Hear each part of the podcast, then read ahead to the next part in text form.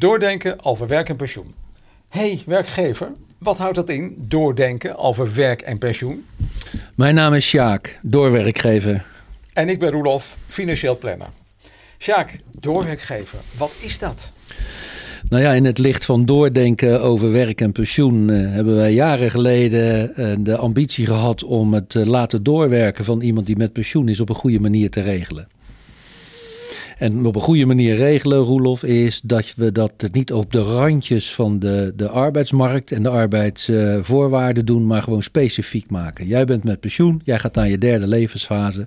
Wat zou jij nog willen doen en op welke manier wil je dat dan doen? En, hoeveel mensen willen eigenlijk doorwerken? Dat zijn er steeds meer. Meer dan 150.000 mensen doen dat al. En doen dat vaak in een, uh, in een omgeving waarin ze heel veel verplichting hebben, terwijl ze dat eigenlijk niet willen. Dus houden mensen zich er samen niet meer aan. Maar ja, dat is natuurlijk geen goede manier van organiseren. Goed organiseren is de juiste voorwaarden op de juiste plek.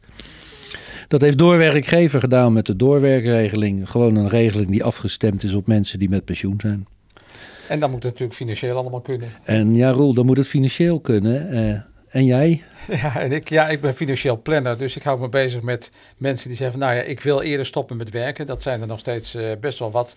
Maar de groeiende groep is dus dat mensen niet willen stoppen met werken. En wat betekent dat dan? Hè? Dus dat betekent dat je deeltijdpensioen hebt bijvoorbeeld, of uh, heb je weer inkomen, je zit met uh, ontslagen kunnen worden en allemaal dat soort zaken. En als werkgever is het natuurlijk heel belangrijk dat je financieel toch wat tot ruimer zit met iemand die al AOW gerechtigd is dan iemand die dat niet is. Dus het zijn, zijn allemaal financiële consequenties die je als werkgever hebt en die heel plezierig kunnen uitpakken als je dat maar goed plant. Liggen wel allemaal aan de basis, denk ik, om keuzes te maken. Absoluut. Ja, geld is zo belangrijk, want ja, de werknemer die uh, weet vaak niet waar hij aan begint.